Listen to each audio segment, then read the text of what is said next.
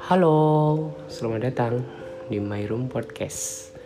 Ya, saya Lutfil Aziz. Kali ini di episode pertama saya, saya ingin share mengenai pengalaman pribadi saya, tentunya tentang memotivasi diri. Ya, jika kamu berada di posisi yang kurang bersemangat dalam hidup, kamu saat ini berada di tempat yang sangat tepat. Karena di sini saya akan membahas tentang tips bagaimana bangkit dari kegagalan dari pengalaman saya pribadi loh ya. So, tonton sampai habis ya. Oke. Kegagalan. Ya, setiap orang pasti pernah mengalami kegagalan, termasuk diri saya pribadi. It's okay karena kegagalan adalah keberhasilan yang tertunda kalau kata orang-orang. Yang paling penting adalah bagaimana sikap kita menghadapi kegagalan tersebut dengan rasa yang kuat, sabar, dan dewasa. Karena kita tahu bahwa setiap kegagalan adalah sebuah proses kehidupan. Yang mana proses itu adalah sebuah tahapan yang pastinya akan kita lalui dalam hidup kita. So, tetap semangat walaupun meski gagal. Masih banyak jalan lain yang perlu kita lalui lagi untuk ke depannya. Oke, kali ini aku akan share mengenai tips mm, menghadapi kegagalan. Apa sih yang bisa kita lakukan kalau kita sudah mengalami kegagalan? Tidak udah tidak usah spesifik apa alasan keterpurukannya, intinya ya supaya ini bersifat umum saja sih dan bisa diterapkan ke siapa saja. Ketika sedang terpuruk atau sedang mengalami kegagalan yang perlu dilakukan adalah menyibukkan diri. Ya itu terdengar sangat simpel tapi di sini kuncinya.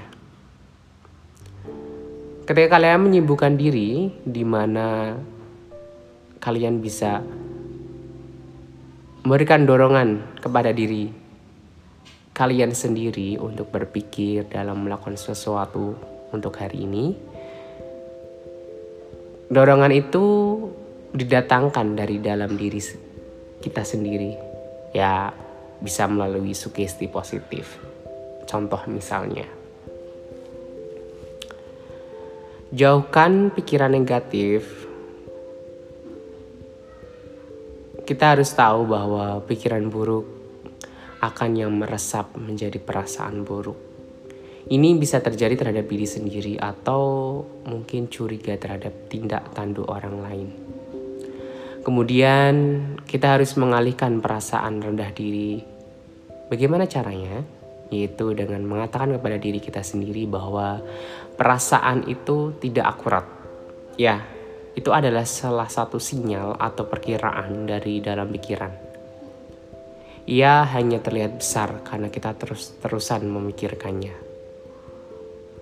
Orang lain mah tidak akan berpikir buruk terhadap kamu atau malahan tidak memikirkan kamu sama sekali.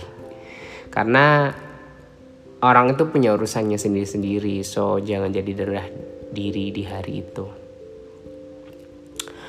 Kemudian urus diri Anda adalah langkah selanjutnya. Berhenti berpikir, bangun dari tempat tidur, atau bangkit dari tempat duduk.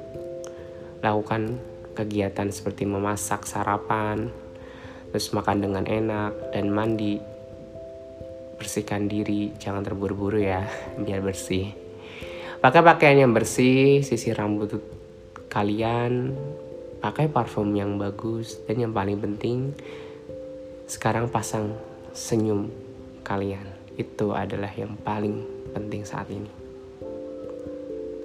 Sekarang bawa diri kalian keluar. Pergilah ke kampus atau ke tempat kerja atau ke kafe. Temui orang-orang.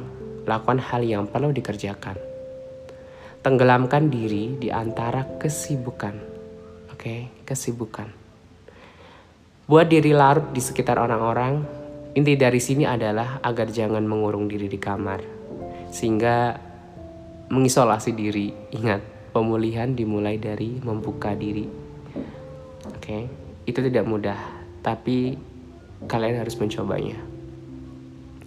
Sesudah sore hari, pergilah berolahraga, pakai pakaian olahraga yang paling baru atau mungkin yang paling nyaman, kenakan sepatu lari, hentakan debu dari sepatu, begitulah juga beban akan perlahan terlepas. Pikiran akan terbuka dan perasaan lega akan datang juga. Larilah di taman, di bawah pohon-pohon, dan di antara bunga-bunga. Itulah dirimu, indah dan bukan kegagalan. Karena kegagalan hanyalah kejadian dalam hidup, bukan identitas diri. Ketika malam hari, persiapkan makanan, masaklah bahan-bahan yang segar. Makanan yang sehat akan menyegarkan jiwa, makanlah buah-buahan yang segar untuk merefreshkan pikiran itu sangat penting. Atau kalian bisa coba cara lain seperti berbicara dengan saudara atau teman-teman kalian. Maybe kalau kalian punya teman dekat, kalian curhat. Itu sangat-sangat membantu perasaan kalian. Atau chatting melalui WhatsApp kepada teman atau keluarga inti. Kalau kalian jauh, dari keluarga, hubungi ayah atau ibu. Telepon mereka dan berbicara. Itu juga bisa mengurangi beban. Mungkin saja selama ini kalian rindu butuh perhatian dari mereka.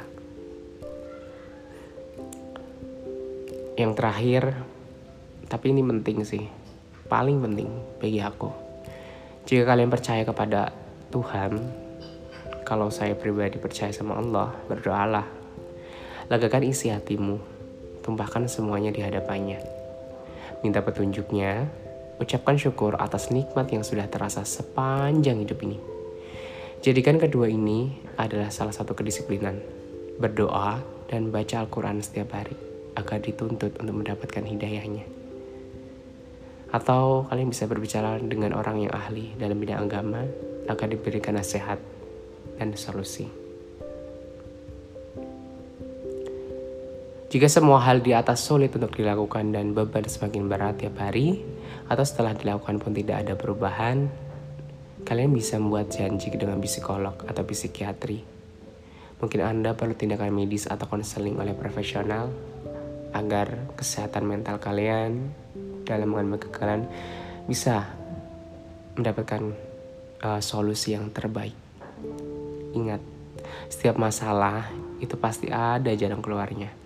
Setiap kegagalan adalah sebuah pengalaman. Dan setiap pengalaman adalah guru yang terbaik. So, apa pun keadaan kalian saat ini, tetap semangat. Karena uh, gagal itu hanya sebuah uh, tepian sementara.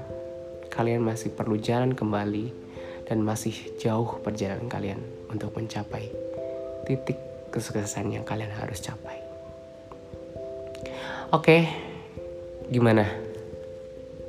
Uh, podcast pertama aku ini semoga tips-tips dari saya setidaknya membantu kondisi kalian lebih baik saat ini ya. Dan saya berharap banyak banget manfaatnya bagi yang mendengarkan.